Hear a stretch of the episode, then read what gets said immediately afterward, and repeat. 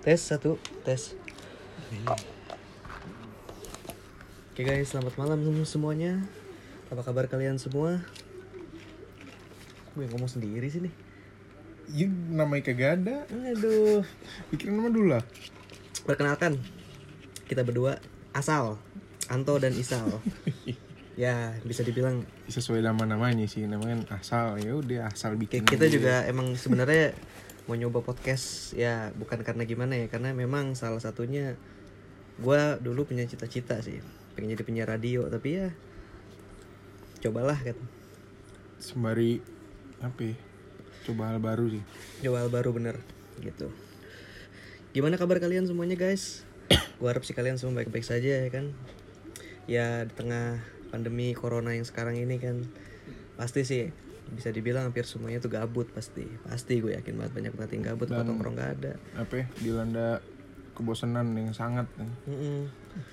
Ya kita sih di sini maksudnya bukan menghibur ya, tapi justru malah ya apa ya bisa dibilang ya Ya, sharing ngobrolan sharing ngobrol kopi aja lah, eh, Warung sharing ngobrol warung kopi aja sih hari ini. Bukan obrolan yang nggak penting cuman mengisi kebosanan gitu kan. Nah iya bener tuh, karena kalau dibilang menghibur kita juga punya bakat buat menghibur, kita bukan entertain gitu ya.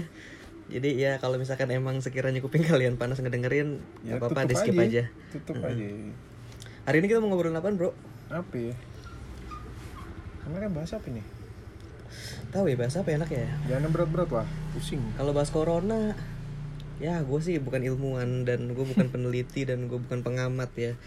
Jadi Udah- mungkin gue no komen lah ya. Udah terlalu banyak yang bahas lah. Mm, terlalu bebas. Biar biar nggak terlalu jadi beban pikiran gitu. Iya benar-benar. Bahas yang lain aja lah. Bahas yang lain bahas apa ya kita kira-kira ya? Bahas apa nih? Ini begini nih, namanya sesuai namanya kan. Asal. Bikin dulu, belum kepikiran mau bahas apa. ya. Benar, Jadi benar. beginilah. By the way, guys. emang. Beda gue sedikit cerita nih. Gue mantau tadi barusan habis cukur. Setelah kemarin-kemarin berbulan-bulan, berminggu-minggu nggak nemuin tukang cukur, akhirnya gue cukur juga. Awalnya sih jiper emang. Sempet gue mikir kayak, aduh gue mau cukur, takut kena corona. Tapi gue juga mikir ya, tukang cukurnya juga pasti kan takut ya kalau misalkan ada orang yang Ya, datang ya. ya, apalagi dia lah. Iya, makanya udah sama-sama lah udah. Hilangin aja tuh jiper dah. dah. Akhirnya alhamdulillah cukur nih guys. Dan emang yang buka sih dari kemarin tuh di kawasan sini ya. Mm-mm. Sekitaran sini emang gak ada yang buka, emang baru belakangan ini ya dibuka, baru pada buka lah gitu. Nah iya bener. Makanya kebetulan alhamdulillah kelar cukur. Sekarang ya lagi di rumah iseng-iseng sambil, sambil ngopi ya guys. Bahas apa kita bro hari ini bro? Bahas apa nih? Bahas apa kita hari ini ya? Apa ya? Sekiranya ada bahan apa ya mungkin ya? Bahas Vespa mungkin kali ya? Bahas Vespa. Vespa boleh boleh tuh. Bahas Vespa. Yang lu tahu tentang Vespa apa sih bro? Yang gue tahu tuh motor unik. Eh, Vespa tuh ini eh bukan cuman sekedar alat transportasi menurut gua. Hmm, kenapa tuh? Jadi Vespa tuh selalu punya cerita di setiap kendaraannya gitu lah. Oke, Selalu ada cerita lah gitu. iya iya. Di, Selalu ada cerita. Oke, bener. entah tuh cerita lucu lah cerita cerita unik ngeselin pasti Iya, ada tuh. semua ada sih emang. Cerita Vespa gitu. Tapi emang sih ya kalau di, terutama di Indo sih ya. Kalau gue ya gitu, sepengetahuan gue akan Vespa tuh, ya memang gue bukan ahli atau bidang apa bukan ahlinya Vespa ya. Tapi emang kalau yang gue lihat ya Vespa itu salah satunya tuh orang-orang tuh suka banget ngejas tuh mogok-mogokan.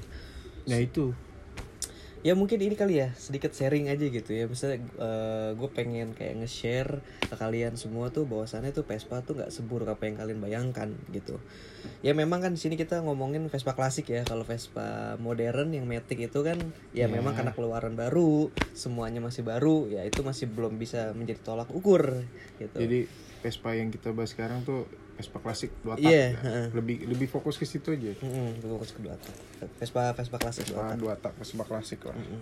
Tapi by the way lu suka kalian klasik tuh lu suka tipe apa bro? Kan banyak banget tuh yang klasik tuh. waduh sukanya sih banyak sih sebenarnya sih Hmm, banyak ya. banyak sih cuman mungkin kalau buat dipunya sih apa ya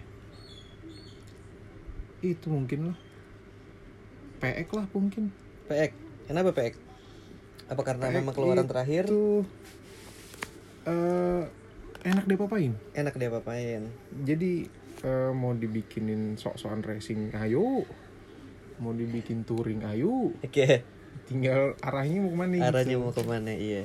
Dan apa ya, masih nggak terlalu tua. Jadi jadi di bawahnya mungkin nih katai sih jauh lebih enak mungkin kan Iya. dibandingin yang tahun di bawahnya lah. Iya. Mungkin dibandingin super atau Hmm. apa yang di bawahnya lagi. Ya cuman kalau ngomongin harga kalau nggak nggak masalah sih mungkin ngambil sprint sih oke sih. Oke sih emang sih. Cuman, cuman, kan harganya sih udah sekarang lebih mahal daripada PX lah gitu kan. Iya bener-bener PX kayak lebih merakyat aja gitu ya kan? rakyat harganya bener sih. Dan juga memang kalau ngomongin PX kalau menurut gua sih yang udah pernah gue jajal ya Vespa Vespa modern eh Vespa klasik ya emang PX itu memang udah semuanya itu udah udah enak gitu dari sasisnya Hmm. mesinnya semua tuh jauh jauh lebih stabil jauh lebih enak sih emang sih ya kalau dibandingin yang lain-lain ya gitu Hmm. gitu ya memang kalau kita ngomongin Vespa sih ya untuk masalah enak itu bagi gua relatif sih ya gitu ya balik lagi Mm, bagi gue relatif. beli Vespa buat apa nih buat pakai harian Hmm. atau buat cuman gaya doang Tapi ngomong-ngomong kita kan tadi awal mau ngejelasin tuh gimana Apa? tuh katanya Vespa kita ngebuat mindset orang tuh akan Vespa tuh nggak kayak seperti yang orang kira gitu bro. gini kalau Lupa kita ngebahas nih. gini kalau ada orang yang bilang Hmm. apa sih milih Vespa mau mogok-mogokan doang Iya, berarti dia belum pernah naikin atau bawa Vespa yang sehat iya bener. makanya dia pasti bilang gitu Iya. Sebenarnya gini mungkin kali ya orang yang beranggapan seperti itu mungkin melihat Vespa mungkin dari dari tahun-tahun sebelumnya ya beda sama tentang sekarang Hmm, gitu ya. Kalau sekarang itu kan kalau gue lihat Vespa tuh sekarang spare partnya tuh udah di mana-mana gitu ya kan. Ya, bengkel itu yang bengkel-bengkel juga udah banyak- banyak ya kan. banyak orang nggak tahu juga sih mungkin Heeh. nyari spare part nggak susah itulah Iya, sekarang banyak banget spare apa spare part Sekarang- aftermarket Vespa. lu jalan mungkin jalan jalan seben- dari Jakarta lu jalan berapa kilo jalan dikit lah pasti Hmm. nemu bengkel Vespa bengkel Vespa dua tak ya Vespa Iya. tua gitu pasti nemu Pasti. nggak jauh pasti ada lah gampang gitu dicari entah tuh yang yang sepi gitu entah Hmm. tuh yang udah rame banget yang gede yang kecil bengkelnya variasi lah pasti ada kok. Iya memang. Kalau kalau menurut gue sih memang kalau dari pendapat gue ya orang-orang tuh akan Vespa tuh mungkin terlihat dulu tuh kayak suka sering mau kan mungkin karena dulu pemain Vespa tuh nggak sebanyak sekarang. Era-eranya dulu tuh kayak kita anggaplah di tahun 2010 gitu. Yang main Vespa ada, cuman memang nggak sebanyak yang sekarang. Nah, Dan spare part spare partnya juga mungkin ya karena memang jarang ada pemainnya juga. Ya bisa dibilang orang jadi kayak ngurusin Vespa kurang terlalu kurang terlalu fokus ya gitu ya. Jadi Aha. ya udah seadanya aja gitu. Padahal sebenarnya guys, aslinya Vespa tuh sekarang udah banyak yang salah satunya ada bengkel-bengkel restorasi di mana mereka Nah, menyiapkan spare part spare part yang apa ya yang bagus ya. Iya. Bukan bagus sih, sehingga seenggaknya tuh Ah, ini sih lengkap lengkap lu gitu, mau- new gitu. mau mau bikin standaran originalan Iya, bisa ada semua gitu Lu kan. mau yang restomod Heeh. eh, restorasi cuman ada modifikasinya bisa Heeh. Dan emang yang gue tahu ya bro, gitu. Ah. Sebenarnya kalau misalkan Vespa lu tuh sehat ya, mesinnya semua Ah, itu sehat ah. udah di restore. Menurut gue Vespa tuh nggak seperti apa yang dibayangin orang gitu bro. Maksudnya, gue bilang mau mau kan enggak kok gitu. Gue make karena gue sempat punya punya, Ah. PX ya gitu ya. Aha.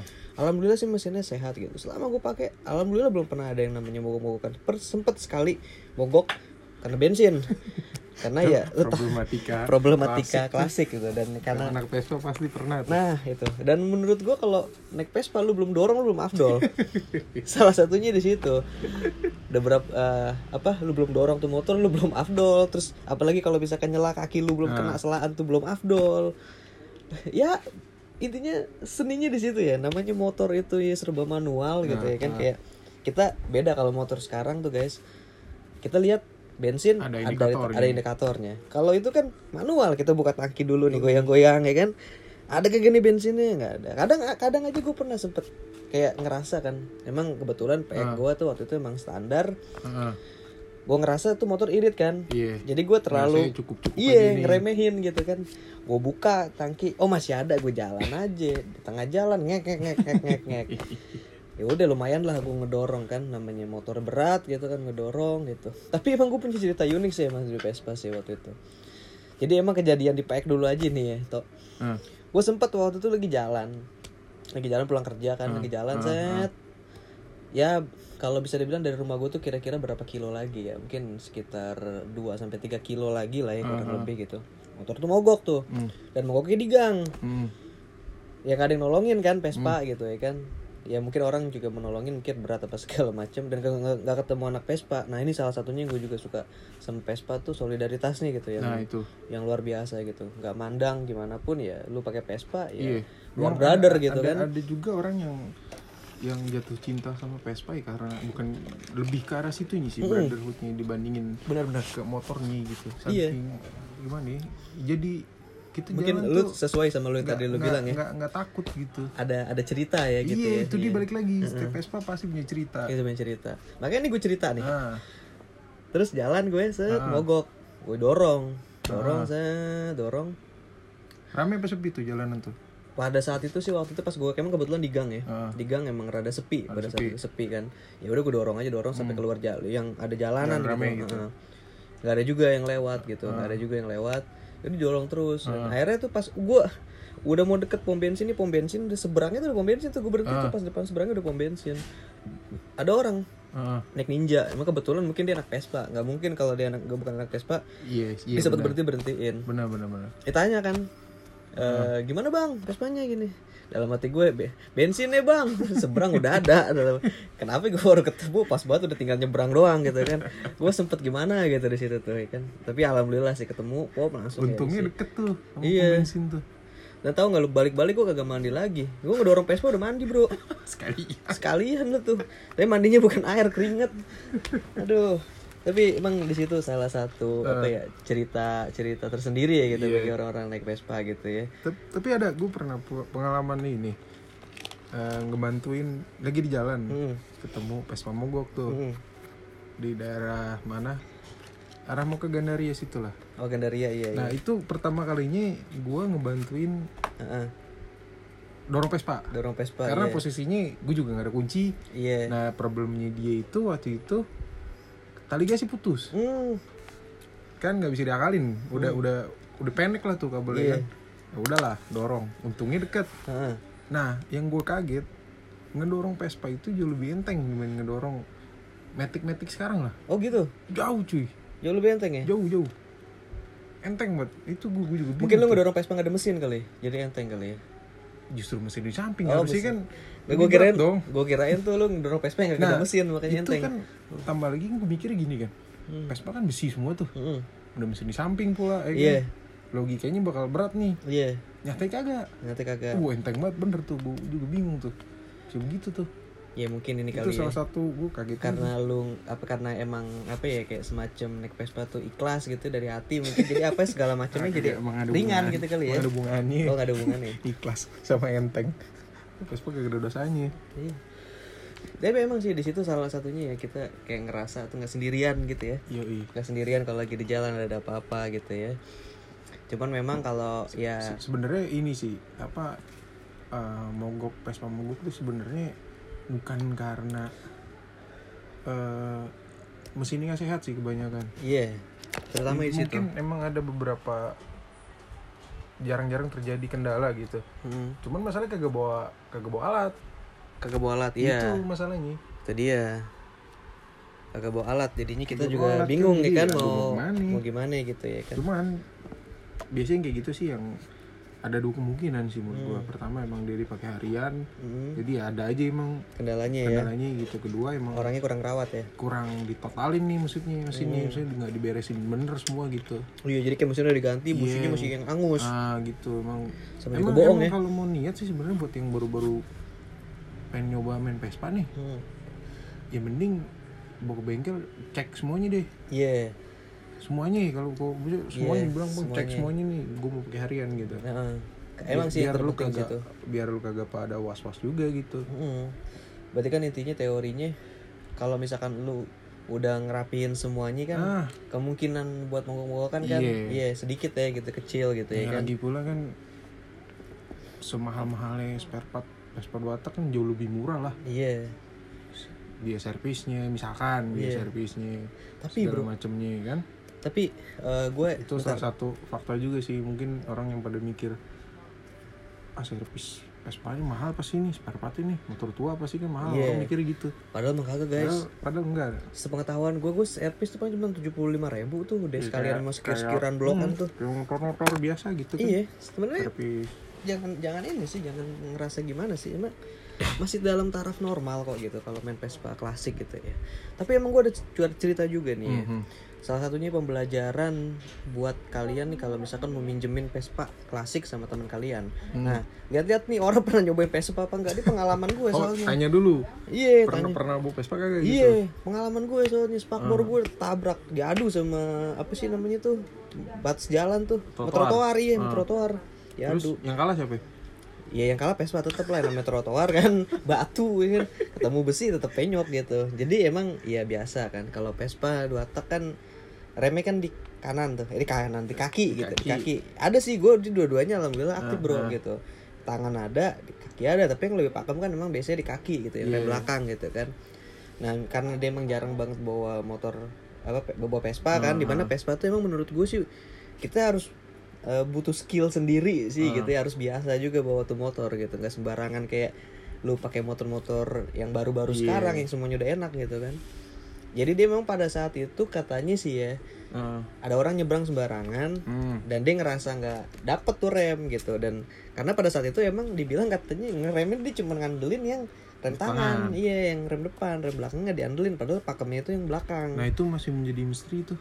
Kenapa tuh? Kenapa ya Vespa rem depannya nggak lebih pakem dibanding belakang. Karena kalau misalkan rem depannya terlalu pakem karena dia mesin di kanan ngebuang. Oh gitu. Bisa jadi jomplang Em- emang jatuh. dari barunya begitu? Dari barunya gitu. Oh. Setelannya begitu bro. Beda sama kalau Hmm. misalkan lu pakai Vespa yang ini ya yang apa small frame ya yang blok yang blok mesin itu ah. kayak PTS gitu Oh, yang di, bukan di tengah sih gue bilang sih rada rada masuk ke dalam. ke dalam. Rada ke dalam. Itu kan dia balance kan kalau Ah, yang ah. eh, apa? Yang bloknya di kanan, mesinnya di kanan itu dia karena berat di kanan kan kita juga harus Iya, nyimbangin kalau di rem terlalu pakem dia bisa ngebuang. buang ke kanan Mm-mm, makanya mainnya di belakang. Ini teman gua nggak dapet tuh kan. Ah. Akhirnya ya udah dibanting lah daripada nabrak orang. Akhirnya katanya gue mendingan nabrakin trotoar gitu. Iya Iya akhirnya pas gue ini, wah balik-balik nelpon gue. Ah. penyok gitu. Gue sih pertama kali pada saat itu gue masih bodoh orangnya gue Vespa gue penyok nih. Orangnya bodoh amat ya. Karena nyari spakbornya emang lumayan susah sih guys gitu. Nggak nggak nggak. Itu itu itu itu itu bercanda itu bercanda. Ada ada ada ada ada untungnya sebenarnya. Apa tuh kan body besi semua. Hmm. Bisa diketok. Hmm. coba kalau kayak motor Jepangan yang saat sekarang kan Hmm. semua plastik ya kenapa? Pecah. Pecah ganti. Ganti beli lu. Iya dan emang endingnya tuh Vespa gue gue getok pakai palu. Nah kan bener kan? Tok, tok, tok. bisa diketok biar Ya, kata emang nggak nggak nggak nggak mulus ya. nggak mulus. tapi kayak kelihatan bengkoknya. Udah udah udah normal ya lagi guys masih, gitu. masih jadi lumayan enak dibanding iya penyok ya kan? mm-mm. bisa ketok ngirit dana lah gitu Oh, ya kalau mau tok sendiri juga bisa sih sebenarnya. Iya bisa emang. Mungkin sekali lu lagi emosi ya kan? Emosi. sekalian aja Oh iya ketok. ketok. Bisa tuh. Hmm. Tapi emang kalau dari yang gua tahu ya kalau misalkan emang main Vespa klasik itu memang ya itu sih intinya guys. Apa eh ya lu pertama memang harus banyak bang banyak banyakin pengetahuan lah ya tentang Vespa gitu ya. sebenarnya gini kalau menurut gua gini sih buat yang baru pengen main nih Hmm. lu nggak usah nggak usah takut nggak usah takut lu nggak ngerti mesin Hmm. nggak usah takut lu nggak punya temen yang main Vespa Mm-mm. beli dulu aja Hmm. beli dulu aja sembari lu jalanin ya lu bakal dapet cerita lu sendiri balik Oh, lagi iya. ke awal tadi tuh Iya. setiap Vespa punya cerita Punya cerita. nah, Pasti lu punya cerita. saran gua buat yang baru mau main nih Mm-mm. lu nggak ngerti mesin misalkan Iya. lu beli langsung bawa ke bengkel deh Iya. cek dulu mesinnya semua ibaratkan diservis semuanya deh itu total gitu ya. total cek semua biar sampai sehat walafiat lah gitu Iya, bener. Nah kalau udah begitu udah tinggal pakai doang serius deh nggak bohong. Enak ya habis itu ya. Iya. Nah masalahnya kan kebanyakan orang beli nih beli Vespa second nggak langsung dicek nih mesinnya. Oh gitu ya, benar. Asal bisa jalan ya udah jalan. Nah itu endingin ntar gitu tuh ada aja tuh. ada aja Masalah. iya karena dia memang nggak ngecek semuanya iya kan itu takutnya dia. dari ya namanya juga bagian motor. mesinnya ada yang udah Iya, problem tua ya kan. bener bener nggak ada yang tahu juga maksudnya kondisi mesin bagian mesinnya lah gitu kan. iya heeh. Ada yang rusak di mana, ada yang di mana kan gitu. sama sekarang juga ya bro ya kalau gue lihat ya maksudnya Vespa tuh wah kalau mungkin orang dulu nganggapnya ya apa ya kayak besi kiloan ya tapi sekarang mah udah jadi kayak permata bro Iya, iya benar. Karena mungkin gini kali ya. Hmm. Zaman dulu itu kan awal-awal Vespa tenar di Indo itu kan jadi motor transportasi harian gitu kan. Hmm. Sama kayak motor-motor sekarang gitu kayak ngeliat Cameo gitu makanya Hmm. dulu ya bodo amatan aja gitu. iya Asal-asal asal pakai karena aja, pada asal saat itu emang orang jalan iya gitu kan. Nah, Tapi begitu sekarang- sekarang populasinya makin naik, Mm-mm. popularitasnya gitu, makin Iya. naik, makin naik. Ya mulai dah tuh Vespa dirawat, iya dimodif, modif semua segala macam dirapiin Nah, didandanin gitu ya tambah lagi kan sekarang ya di era digital gini kan lo nyari spare part impor-impor gitu jauh lebih gampang kan. Iya. Tambah bengkel-bengkel yang nyediain spare part impor kan juga udah mulai bertebaran nih. Iya. Coba cari di IG juga Jimin banyak banget lu mau banyak apa banget juga ada banyak gitu banget ada segala macam Iya. ada semua. Sampai ya intinya mah tergantung gimana kita punya budget aja iya. gitu. Nah itu balik lagi eh, itu fakta menarik juga tuh. Tapi gimana kita Apa? budget karena semuanya Ah. tuh ada gitu. Lu- dari segala macamnya ada. Kalau Vespa Vespa itu lu mau sedalam apa yang ngeluarin duit kagak ada habisnya. Kagak ada habisnya. Lu mau main apa aksesoris ada aja lengkap lu mau mainin kayak apa. Di perintilannya banyak gitu. Apalagi main mesin aduh pusing deh tuh. Nggak ada habisnya emang. Nggak ada habisnya. Nggak ada habisnya. Sampai lu habis satu Vespa ratusan juta ada. Ada aja ada aja pasti. Satu Vespa seharga Ninja baru ada. Ada. Tinggal kuat-kuatan lu aja mau kayak gimana gitu. Nah sama ini nih guys nih ya. Kalau mungkin tips-tips ya kalau misalkan Hmm. kalian beli Vespa klasik ya gitu misalkan. Nah penting nih. Nah ini tips-tipsnya kalau dari gue nih ya nih. Dari gue nih yang dari gue yang bukan ahlinya gitu. Dari gue yang bukan ahlinya cuman pemakai aja cuma ya. memakai aja ya. Gini pertama guys kalau menurut gue mesin sih yang penting nomor kesekian guys. Karena nanti lu eh, karena gini kalau mesin itu ada spare partnya aman. Tinggal lu beli Iya. bawa ke bengkel. Pertama lu perhatiin dulu kondisi eh, surat-suratannya guys. Itu yang paling penting menurut Nah, gue itu. guys surat-suratannya dari dari gini guys. Karena kan memang Vespa itu kan motor udah tua ya. Kadang juga banyak yang pakai yang kadang suka subsidi silang. Subsidi Ya, silang tuh maksudnya surat tempelan. surat tempelan gitu. Jadi pertama lihat dulu serinya motornya apa. Iya. Cek kode Nomor mesin. rangka. ya kode mesin sama kode rangka Iya, tuh. Nomor mesin nomor tuh. rangka tuh. Cocok nggak sama STNK sama Heeh. BPKB gitu. Yang Iya, terpenting benar. itu kalau misalkan full paper Mhm. dan itu semua akur gitu guys Ah. kalau anak Vespa bahasanya itu akur gitu ya Mhm. kan gak berantem gitu akur atas bawah Heeh, akur atas bawah tuh AB ya Hmm. itu patut buat kalian pertimbangkan karena Iya. kalau misalkan suratnya sudah komplit Heeh. atas bawahnya akur dengan BPKB dan STNK enak kan ibaratnya nanti suatu Betul. ketika kalian mau ya gue sih bi- bi- bisa bilang kita ngebahas value for money gitu ya Heeh. Kalian mau jual lagi masih ada value nya iya gitu. benar. Harganya masih oke gitu. Heeh. dibandingin lu beli bodong beli bodong. ya lu jual lagi juga setinggi tingginya seberapa sih nah gitu kan. itu. Itu juga salah salah satu pertimbangan kalau menurut gue Hmm, itu, itu di hmm. situ deh gitu. Nah kalau untuk masalah lain ya sekarang kan udah udah lumayan banyak bengkel yang bisa ngerestorasi. Misalkan ngecat Wah, ulang. banyak banyak. Mesin spare part udah gak usah takut. maunya aja kayak gimana Hmm. gitu. Banyak Jadi terpenting tuh menurut gue nomor satu tuh itu dulu. Perhatiin surat-surat Hmm. dari BPKB, STNK, ya kan sama nggak sama nomor mesin sama nomor Ah. angka.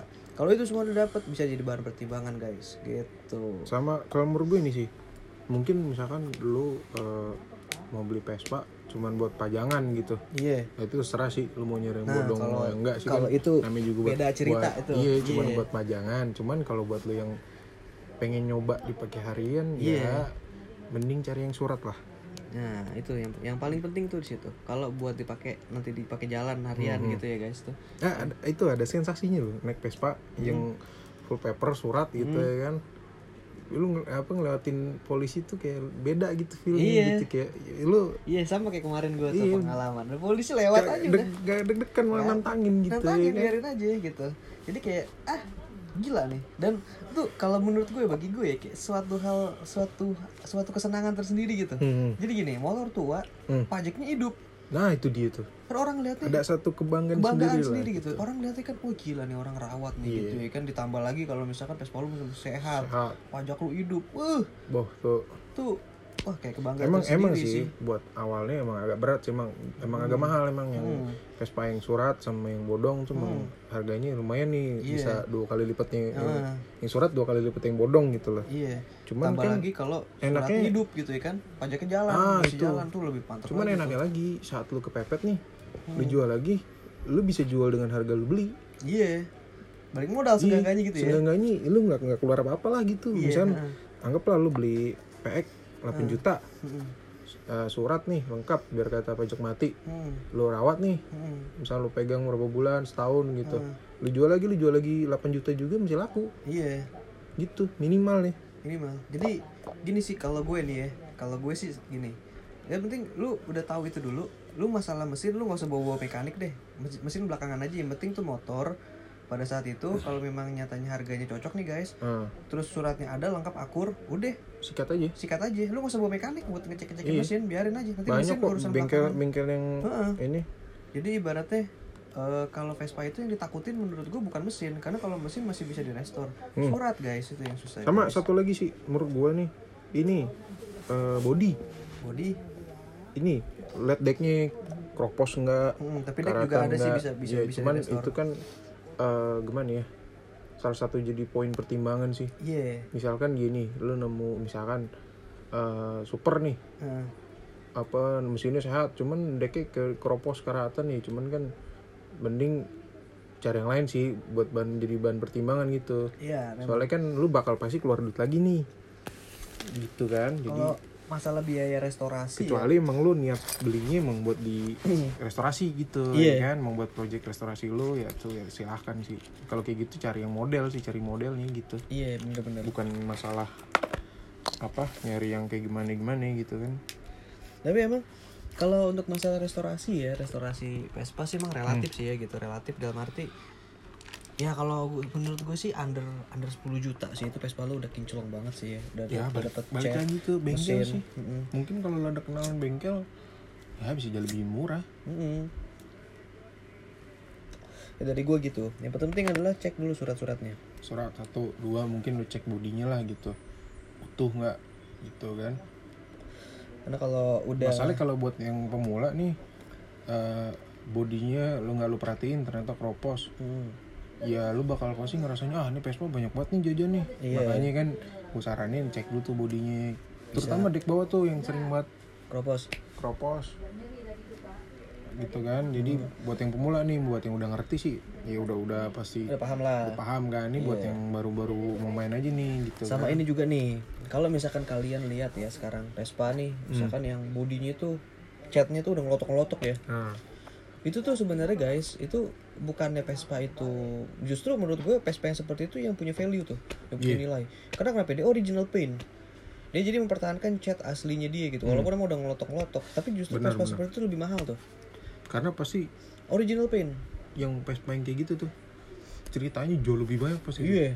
Ceritanya jauh lebih banyak. Iya. Original paint gitu kan. Jadi dia memang masih mempertahankan aslinya dan apalagi dapat yang tangan pertama kan Iya, tuh. di mana kan kalau orang kalau Vespa tuh bahasa enak Vespa tuh gini, original tuh cuma sekali, Yoi. original tuh cuma sekali.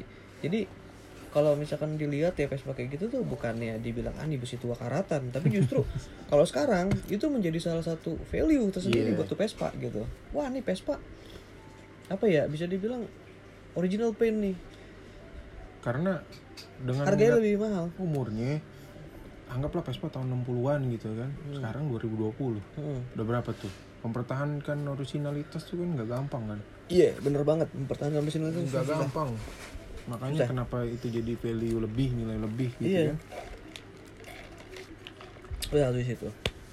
apalagi tuh pertama kan tadi mesin. Mesin, kedua deck cek body lah gitu. Ya. utuhnya gitu kan. Mm-mm. ada lagi? Apa ya? Itu sih yang paling penting sih itu sih. Dua itu paling kali ya maksudnya yang paling paling, fatal tuh. krusial buat iya, buat krusial. buat buat yang baru mau main ya kan? Hmm. Tapi paling penting lagi kalau kalian mau main itu sering-sering bawa motornya. Karena Iyalah, beli buat dipakai gitu Heeh, ya. sering-sering. Kalau emang kalian beli itu motor emang untuk dinikmatin bukan dipandangin gitu ya. Dinikmatinnya emang buat riding gitu ya. Karena emang bawa Vespa itu yang gue bilang tadi punya skill sendiri gitu. Eh, gimana caranya belajar dari teorinya terus seringan bawa. Nanti dari situ lu bisa nembus Betul, sendiri feel lu gitu. Karena yang dari yang gua pertama kali gue bawa Vespa tuh ya pertama satu kita pasti linglung masalah Iya benar. naikin giginya nih Naikin gigi di kiri, rem di kaki, rem di kaki gitu ya kan kadang kan juga gue rem rem tangan nggak pakem. suka berharap bro Vespa bisa sih gak gitu giginya di kaki gitu ya bisa sih memang ada banyak yang custom custom gitu ya custom Bisa custom sih. Vespa gitu yang Cuman kan dibilang Vespa ekstrim ya Looknya jadi kayak bukan Vespa gitu masih nggak kurang orisinil gitu lah. iya seni tersendiri Nah seninya kan justru Vespa enak gigi di tangan gitu. Iya, Karena nah. sekarang nggak ada lagi kan yang kayak gitu. itu dia. Nah itu tuh salah satunya tuh yang apa ya yang harus diinin dulu tuh guys. Yang yang harus kalian biasain dulu. Nanti kalau kalian udah lentur tangannya kan enak tuh deh Hmm. naikin giginya enak segala macamnya enak gitu. Karena pernah kan? Oh. dulu gue pertama-tama belajar ya. Oh. nget. Dari gigi satu langsung masuk ke gigi tiga. Nah itu tuh. Suka tak sering tak tak tak gitu. Selip tuh. Seling selip gitu kan. Kalau yang belum biasa. Dia emang pertama satu teman gue Vespanya emang kurang normal. Dan yang kedua gue juga pemula kan Iya gitu. benar. dan lama-lama akhirnya habis dari situ gue sempet pernah kapok tuh. Heeh. ah anjir motor ribet banget nih apaan sih nih gitu. Pernah sempet kayak gitu gue kayak nggak jelas nih maksudnya apaan gitu. Tapi pas lama-lama temen gue masih nyodor nyodorin kan tuh awal-awal tuh ya nyodor nyodorin tuh mulai di SMA tuh temen makin gue sering dipakai makin kok enak juga lama-lama gitu. makin baru terasa tuh Iya. enaknya tuh sampai kalau gue pulang sekolah tuh ada temen gue bawa Vespa tukeran dulu pakai motor gue gue pakai Vespa lu gitu dan di situ gue nemu udah pas udah ini kan nemu sendiri gitu oh ini enak ya gitu. Iya. di jalan juga suka ditegor gitu kan woi woi gitu. Yoi. tuh kayak ini sendiri sih gitu. Iya apa? Sendiri- sendiri kesan gitu, tersendiri ya. gitu. Bahkan nih pernah sempet sekali pas kebetulan waktu itu gue bawa cewek gue kan Heeh. banyak yang negor kan. Kebetulan emang pas gue jalan banyak anak Vespa. Dari Vespa modern dari Vespa klasik. Heeh. kalau misalkan nggak gue yang negor tuh orang negor gitu cewek gue bilang gini teman kamu banyak banget tuh gitu. Iya dong gitu. Padahal mah nggak kenal. Tapi itulah seninya Vespa gitu apa istilahnya? Satu Vespa satu saudara ya? saudara bener banget. Tapi itu di situ seninya Vespa Seninya tuh. situ tuh. Jadi kita tuh tegur-teguran nggak ngerasa kesepian makanya Iya. ngerasa kan bilang kesepian. lu gak usah mikirin punya temen Vespa juga apa enggak. Lu jalan aja. Hmm, lu beli lu lu benerin lu pakai sama ini juga bro. Waktu itu gue sempat pernah ngeliat di vlog di YouTube ya. Gue lupa nama vloggernya siapa ya gitu ya. Hmm. Nggak kita doain deh semoga eh, apa eh, subscriber naik terus orang itu. Tapi gue lupa namanya siapa. Dia pernah ada yang ngadain eksperimen. Heeh. jadi dia buka tepung ditaruh di situ motornya. Oh iya pernah pernah tuh. Ah, dia buka tepung Heeh. dimin aja tuh motor. Padahal sebenarnya Vespa nggak kenapa-napa. Heeh. dia lihat eksperimen, eksperimen ya? Heeh. sejauh mana nih nonton Vespa? Ternyata bener guys gitu. Banyak yang mampir datang. Kenapa om? Kenapa om? Iya. kenapa om? Tapi dia ngejelasin. Heeh. iya nih emang kebetulan lagi sosial eksperimen aja om gitu Kalian buat edukasi gitu ya. Iya, heeh. kalau anak Vespa tuh seperti ini gitu. Itu salah satu bukti sih ya kalau emang kepedulian anak Vespa solidaritas itu emang luar Iya. biasa gitu di situ. Itu sih yang gue yang, yang gue suka di situ ya. Silaturahminya kuat gitu. Silaturahmi solidaritasnya kuat gitu di Vespa. karena kan Vespa kan beda dengan motor-motor sekarang nih motor sekarang kan paling banyak kan matic matic matic gitu terus motor sport gitu Hmm. nah Vespa satu hal yang beda nih karena nggak ada lagi yang kayak gitu Gak ada lagi. yang gigi di tangan Ada sih Lambretta saingannya. Tapi Ya. itu kan pas itu jauh lebih jauh lebih rare. kelasnya beda sih ya kan Jauh lebih rare Iya, lagi. kelasnya beda Dan sekarang harganya udah gila-gilaan itu motor tuh yang full biasa paper. Aduh, ada nggak ada yang bodong jual 50 juta. Wah gila gue bilang. bodong tuh Hmm, jatuhnya bodong, catnya udah bagus, mesinnya kali ya, bagus, 50 juta. jadi kolektor item gitu Collector item. Biasanya sih emang ya karena mungkin emang tuh barang unik ya dan spesial gitu. Spesialnya karena Hmm. apa ya? Jarang ada yang punya di Indo gitu kan. karena emang dikit juga kan Dikit. Karena emang kebetulan pas nggak lama Lambretta tuh masuk di Indo, Hmm. emang dari Italinya sendiri tutup. Oh. Mm, tahun kalau nggak salah tahun 70-an itu pas awal-awal Lambretta ngenalin itu kan dia memperkenalkan itu jadi helicak ya salah satu becak. Oh iya, becak becak betul, eh, betul. be- becak motor gitu. Pakai itu pakai mesin Lambretta tuh mungkin gitu. ingat tau helicak coba cari searching Google di dulu deh. Google eh, itu helicak tuh salah satu apa armada transportasi di Indonesia ya gitu. ah. Nah terus akhirnya pas ya nggak lama setelah helicak muncul kebetulan juga emang dari Italinya sendiri kan Tuh. Lambretta tutup ya udah akhirnya tutup lah Jadi problem utamanya itu susahnya di spare part sebenarnya kan Iya. Lambretta tuh. bener banget Kesulitan makanya sekalinya ada yang sehat, Mm. full paper harganya ya wah udah gila-gilaan asal sebut juga juga Iya, jadi. heeh. karena bagi orang yang punya Lambretta ada yang nawarin gitu kalau gue ya gitu ngerasa ya ini gue yang punya kayak gini jarang Iya, lu mau mau enggak enggak gitu ya kan Jauh jauh lebih susah iya tuh. jauh lebih susah di situ Makanya gue bilang itu level udah beda sih sama Udah beda. Vespa gitu. Kalau Karena Vespa beda tingkat kesulitannya sus lebih susah gitu Hmm. Vespa. Ya baru Vespa nih. Ya, lu nyari di di mana marketplace gitu lu cari aja spare partnya pasti Banyak. ada jual banyak banget pasti guys coba Lambretta lu cari lu nggak sampai botak susah nyari bukan nggak ada ya ada ada cuman susah Cuman susah gitu gitu tapi emang sih bro gue juga salah satu orang yang suka sama Lambretta juga ya Hmm, jadi hmm. ya gue suka skuter Itali lah ya Lambretta atau Vespa ya gitu karena Hmm. memang berdua itu punya ciri khas tersendiri dan memang Mhm. dua-duanya emang gue suka gitu ya Iya. kan dari Lambretta itu gitu ya salah satunya mungkin Lambretta tuh berhasil lah ya nyiptain salah satu culture di Inggris Hmm. Iya kan itu mods gitu karena memang Iya. eh, mods itu memang pendiri mods itu memang skuternya pada saat itu pakai Lambretta oh gitu Nah, skuter itu pakai Lambretta dia gitu. Nah, karena memang dia saat itu ngebuat mods, makanya kan kalau bisa dibilang ya lebih dominan mods itu emang di Lambretta. Hmm. Dominan Lambretta. Emang apa ikonnya gitu ya? Ikonnya Lambretta gitu karena emang pendirinya mod sendiri di Inggris Lambretta karena kebetulan juga orang-orang Inggris pada saat itu kan ya suka sama Lambretta gitu. Banyak yang pakai Lambretta Vespa pun berarti juga ada. populasinya banyak tuh ya di di Inggris, Inggris waktu banyak itu. banget. Di pada Inggris saat itu? banget, bahkan sekarang pun juga kebanyakan orang-orang yang setahu gue itu nyari spare part itu emang dari Inggris, Inggris. Sama itu yang gue pernah tahu tuh eh, penyedia aksesoris mods. Iya, banyak kan dari Inggris ya? Dari Inggris. Karena emang asal muasalnya dari situ gitu. Ibarat gedenya di sana gitu ya? Jadinya di sana di mods itu. Hmm, di Lambretta itu di situ gitu. Itulah salah satunya. Tapi emang untuk nyari sekarang di Indonesia emang ada cuman susah nyari Lambretta itu.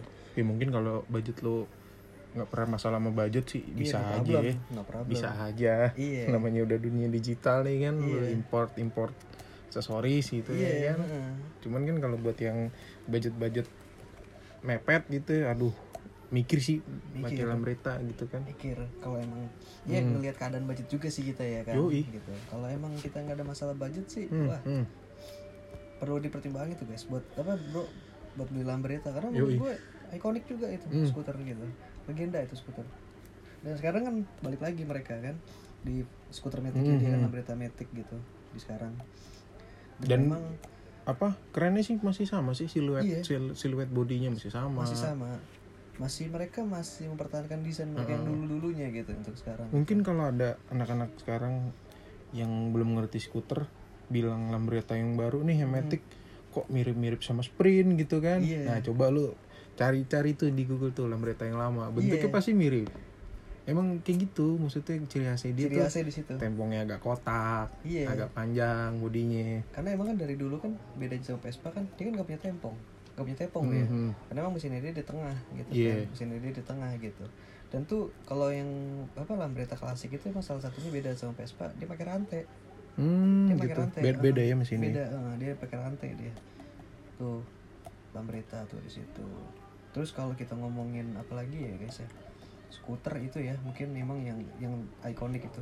Walaupun memang banyak banyak banget ya skuter-skuter di Eropa sana ya. Hmm. contohnya kayak apa sih bentuknya kayak, kayak ikan paus tuh gue lupa namanya deh. Henkel. Ah, dari, Henkel, dari iya. Jerman. Itu juga salah satu. Coba coba lu, lu cari coba kalian searching deh Henkel tuh Bentuknya bentuknya wah ikan paus. kayak ikan paus sih. Depannya gede banget. Hmm, dan memang salah satu kenapa Lambretta dan Vespa itu laku bro karena emang bentuknya beda dari skuter-skuter Hmm. Iya. yang diciptain di Eropa pada, pada masa itu Hmm, gitu. betul betul.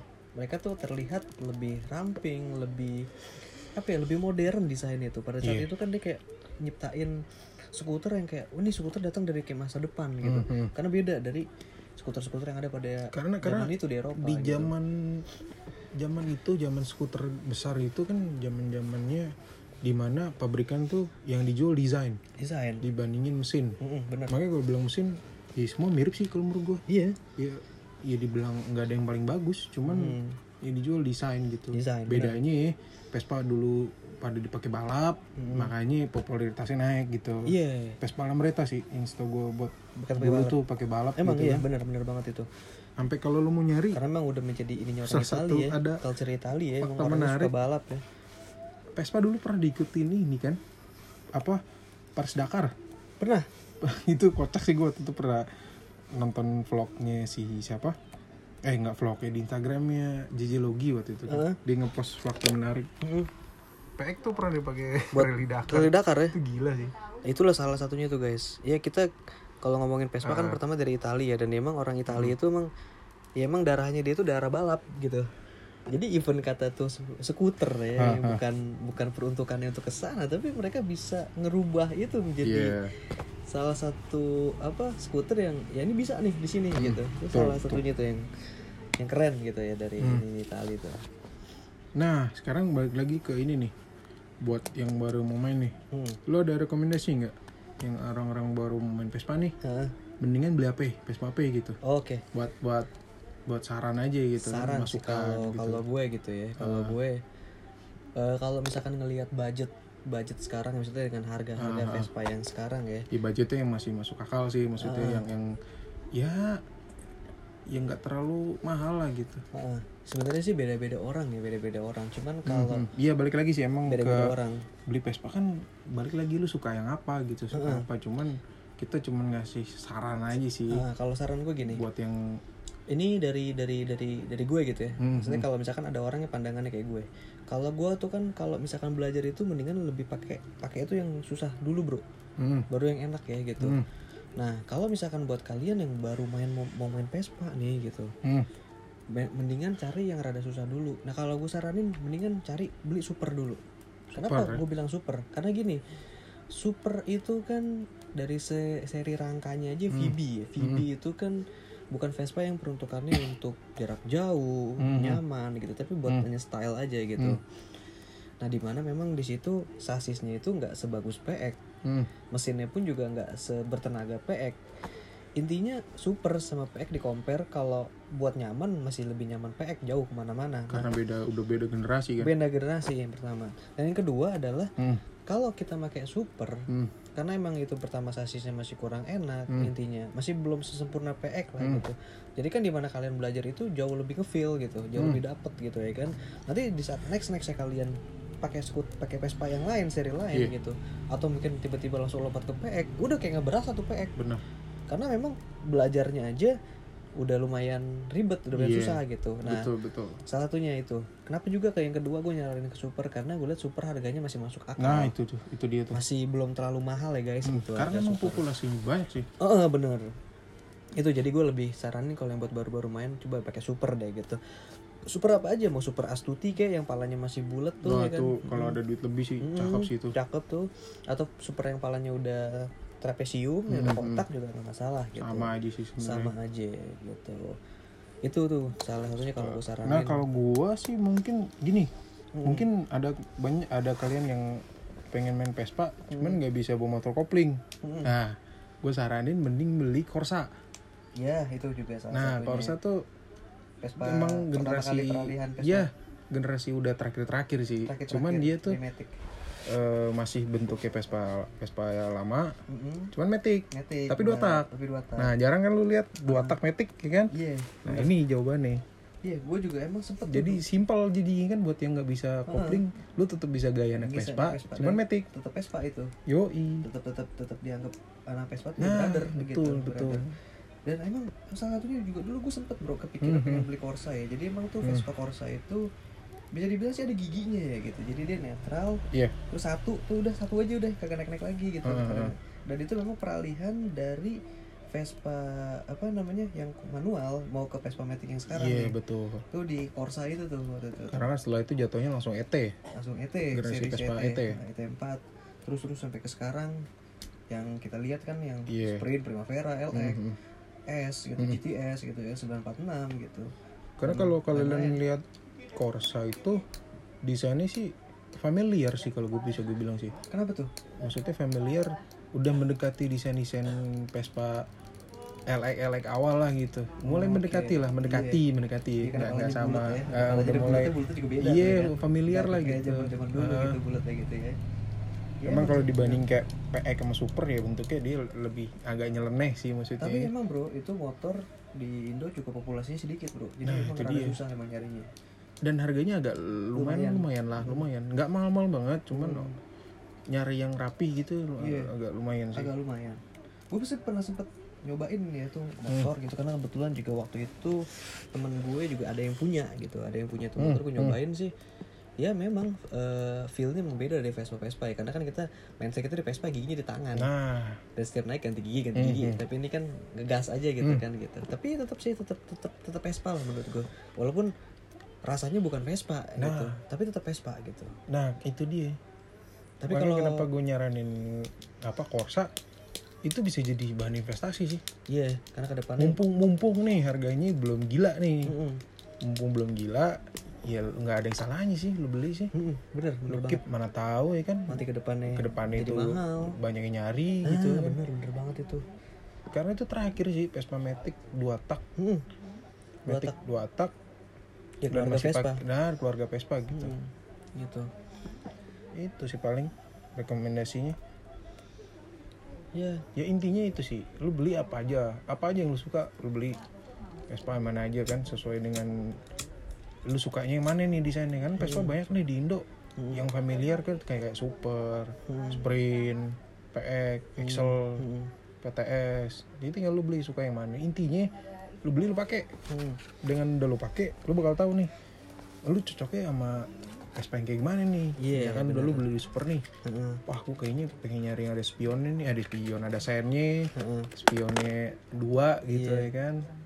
Nah, ntar lu begitu pengen kayak gitu ntar lu bisa upgrade ganti ke PX lah bener bisa atau ganti ke Excel mungkin Iya. atau mungkin lu setelah lu pakai super itu wah ini kayak kurang klasik nih Hmm. lu bisa ganti ke VBB Hmm. yang lebih looknya tuh lebih klasik gitu lebih ya. lebih lebih dapet banget looknya gitu nah gitu itu dia sih intinya lu pakai dulu pakai dulu nanti bakal lu punya cerita sendiri deh tapi lu kalau lu pengen beli Vespa nih Hmm. lu pengen beli Vespa apa nih? waduh beli yang kayak gimana nih maksudnya nih buat gue pakai atau gua buat koleksi nih kalau misalkan buat lu pakai buat pakai karena kalau buat koleksi kan apa ya cuman lu liatin nih. Mhm. kalau gue pengen Vespa yang lu pakai itu bisa jadi cerita juga buat lu. Lu mau beli apa tuh? PX sih paling. Hmm. PX sih. PX kenapa tuh beli PX pertama eh, karena udah enak ya motornya ya. motor udah enak satu. Iya, kedua ya. nggak terlalu mencolok sih. Iya. Nggak terlalu mencolok dalam artian gini kalau emang lu pakai harian kan kita nih konteksnya pakai konteksnya pakai harian. Mhm. nggak terlalu mencolok gitu iya iya takutnya bener-bener. kalau lu pakai harian Vespanya terlalu mencolok iya. mencolok dalam artian terlalu klasik nih. Iya. Ya agak ngeri aja sih sebenarnya sih sekarang udah rentan sih ya nah, dasar itu dia. sekarang kan emang udah banyak banget tuh ya orang maling-maling Vespa tuh. Nah itu dia tuh. Dulu nih zaman dulu ya kalau gue inget-inget cerita dulu temen gue tuh nyaro Vespa depan rumahnya dijogrokin disenderin. Nah itu dia tuh bedanya tuh. Sekarang coba kayak gitu ya udah hilang. lenyap. Lenyap udah gitu. Nah, kenapa bilang PX ya masih tapi juga gini Nyaru bro gitu salah ya satunya kita mencolok. kita main Vespa nih bro. Vespa tuh kan udah pasti ikoniknya ke klasik ya bro. Yuk itu juga bisa jadi apa eh, saran juga sih ya buat buat buat lu pada buat bikin usaha baru bro menurut gue. Usaha apa tuh? Misalkan kayak foto prewed lu nyediain propertinya. Oh iya bener. Iya kan? Jarang tuh. Jarang tuh. Atau enggak sekalian tuh penyewaan Vespa. Mm-mm. belum ada tuh kayak itu. Di Jakarta belum ada nih nyewaan Vespa. Ya Vespa Matic sih ada cuma Vespa yang klasik nah bro. itu dia tuh jadi buat properti prewed tuh kan keren tuh. Maksudnya sekarang kan yang gue lihat lagi ngetren nih orang-orang nikah dengan konsep klasik kan gitu. Betul betul. Nah didukung lagi lah dengan kendaraan klasiknya juga gitu ya kan? Yo wah the best sih. Mm, gimana ya? Selalu balik lagi ke awal tadi kan? Heeh. selalu ada cerita di balik Vespa. Makanya kan lo beli lo pakai. Sama kayak yang semboyan era Vespa ya. Bikin cerita lo sendiri. Ada Vespa ada cerita. Nah, itu itu salah dia tuh. satu ini tuh bro salah satu apa ya gue tuh salah satu apa ya gue gue suka sama Vespa tuh. Dia tuh uh, orang yang apa ya bisa dibilang ya gue salah satu panutan gue lah gitu di Vespa tuh dia, beliau tuh Gini. Vespa. kalau udah ngerti Vespa lo pasti tahu lah Vespa lah. Iya anak Vespa pasti tahu Vespa. Pasti tahu lah. Dia wah ke- keren sih menurut gue dia bener-bener cinta sama Hmm. Vespa gitu. Eh, di di YouTube-nya juga channel ada deh sering review-review Vespa Hmm, ya kan. Pokoknya wah kalau kalian dan dia juga sering ngasih tips-tips tuh. Nah betul ngasih tips-tips sama teman-teman yang baru main Vespa segala macam nah, kalian bisa tonton aja tuh vlognya tuh Ra Vespa tuh di YouTube. Ada tuh. Itu salah satu itu Eh, tuh apa pakar Vespa lah ya iya Indonesia ya. rekomendasi lah kalau lo mau nyari Heeh. apa informasi tentang Vespa gitu kan. Iya heeh. bisa tuh. Situ apalagi itu doang kali ya. Tapi kalau gue sih ya gue kalau misalkan mau beli Vespa itu Mhm. Untuk sekarang ya. Hmm. gue pengen nyari-nyari yang small frame. Waduh harganya tuh tapi cakep tuh. Harganya cakep emang parah gitu. Mau lagi naik daun tuh. Iya kayak misalkan anggaplah ya untuk sekarang sih gue nggak usah muluk-muluk kayak kalau nggak spesial PTS lah. Spesial 90 atau PTS 100 kan gitu. Karena Iya. eh apa ya kalau misalkan kita ngomongin small frame yang tua ya misalkan Darling harganya udah nggak masuk akal. Wah tuh udah gila udah sih. kolektor item itu. Terus Primavera apalagi? Mhm. ya kan gitu terus apa lagi ya kita ngomongin SS90 Wah, itu lebih Harganya udah kayak lebih- apartemen. Lebih kacau lagi tuh. Oh, udah kayak apartemen harganya kan guys gitu. Tapi memang sih small frame itu terutama SS90 ya, Super Sprint 90 tuh unik banget sih bentuknya, Bro. Iya. Unik bentuknya unik dan ya memang gue suka gitu ya kan. Darling juga tuh keren tuh, Darling. Wah, Darling cakep sih itu. Darling ya. Ma, apa ya? Ya Vespa-Vespa yang tahun-tahun small frame tahun-tahun segitu tuh Hmm. Keren sih, cuman memang harganya tuh udah nggak masuk akal. Iya, masih masuk akal PTS. Hmm. Masih masih ada sih yang jual murah ada. Hmm. Mau yang udah rapi harganya juga lumayan ya paling Lumayan. yang udah rapi berapa sih pasarannya? Kalau full paper udah rapi sekarang 30-an, 25 30. 25 sampai 30 range sih gue tahu ya gue lihat di Instagram orang yang jual-jual uh, PTS ya gitu. Itu sih gue pengen, punya itu karena unik aja motornya Vespa kecil gitu.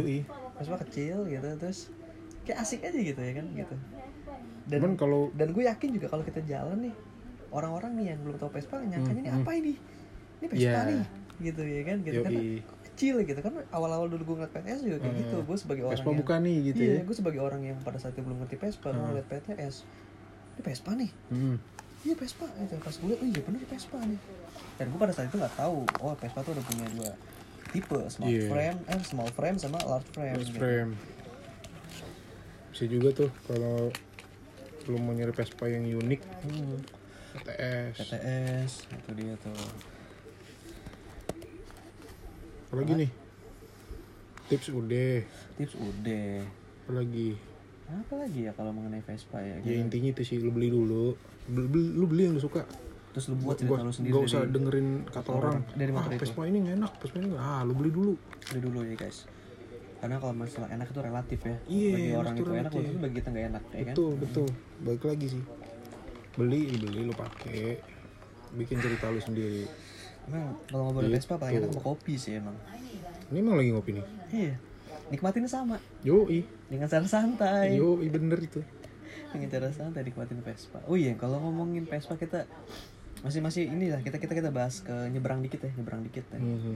nyebrang dikit ke arah motor lu kalau misalkan di luar Vespa nih ya di luar di luar Vespa gitu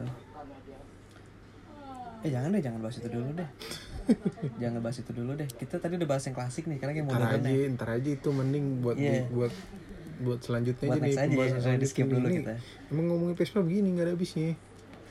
kita bahas yang modern bro tadi kan udah udah, udah, udah klasik ya kan Ah. gitu dan yang kebetulan emang klasik ya gue daripada kita salah ngomong ya gitu sebenarnya banyak sih yang pengen kita cerita yang modern dulu aja deh guys Ah. gitu ya ya kalau yang modern nih gue juga emang punya ya Vespa modern yang Hmm. sprint tahun 2015 Hmm. dan ini gue salut juga bro Kenapa, Vespa kenapa, tuh, bro kenapa itu?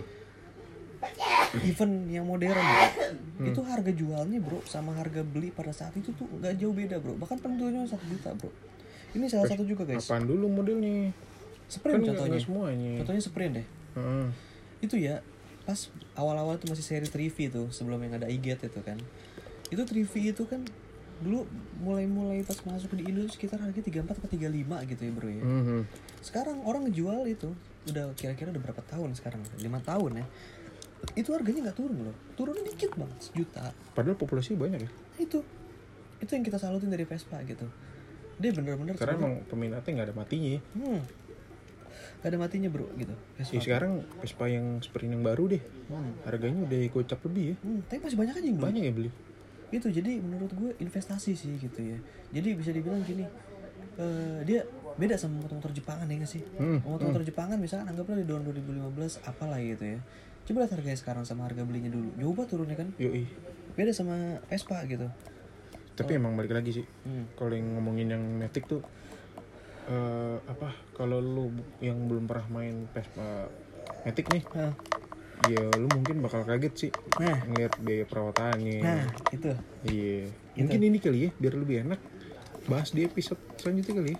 Iya boleh. Soalnya panjang juga nih ntar nih. Iya bener sih. Oke buat buat buat, Iya. buat kita besok Nextnya Vespa Matic kali ya. nih. karena emang sih emang kita kasih bocoran Eh, dikit. buat buat orang yang dari make motor Jepangan mau upgrade, upgrade ya kan Heeh. kita kasih infonya besok kasih infonya besok ya itu salah satunya tadi udah dibocorin ya sama Bro Anto yaitu adalah biaya perawatan Biaya perawatan tuh. lebih sedikit mahal dibanding Jepangan Iya. gitu ya oke guys see you itu aja dulu ya Iya. pembahasan kali ini nih Bahasan kali ini itu aja lah paling ya. Mungkin nanti Lu- kita besok di besok next episode kita lanjut lagi di Matic Vespa Matic ya kan gitu. Heeh. Oke, itu aja dari kita ya guys, aja ya. dari kita asal lanjut lagi Anto besok podcast asal See you the next video. Eh, next video di YouTube ya. Heeh. Next podcast. Thank you guys. Night. Kita lihat hasilnya gimana.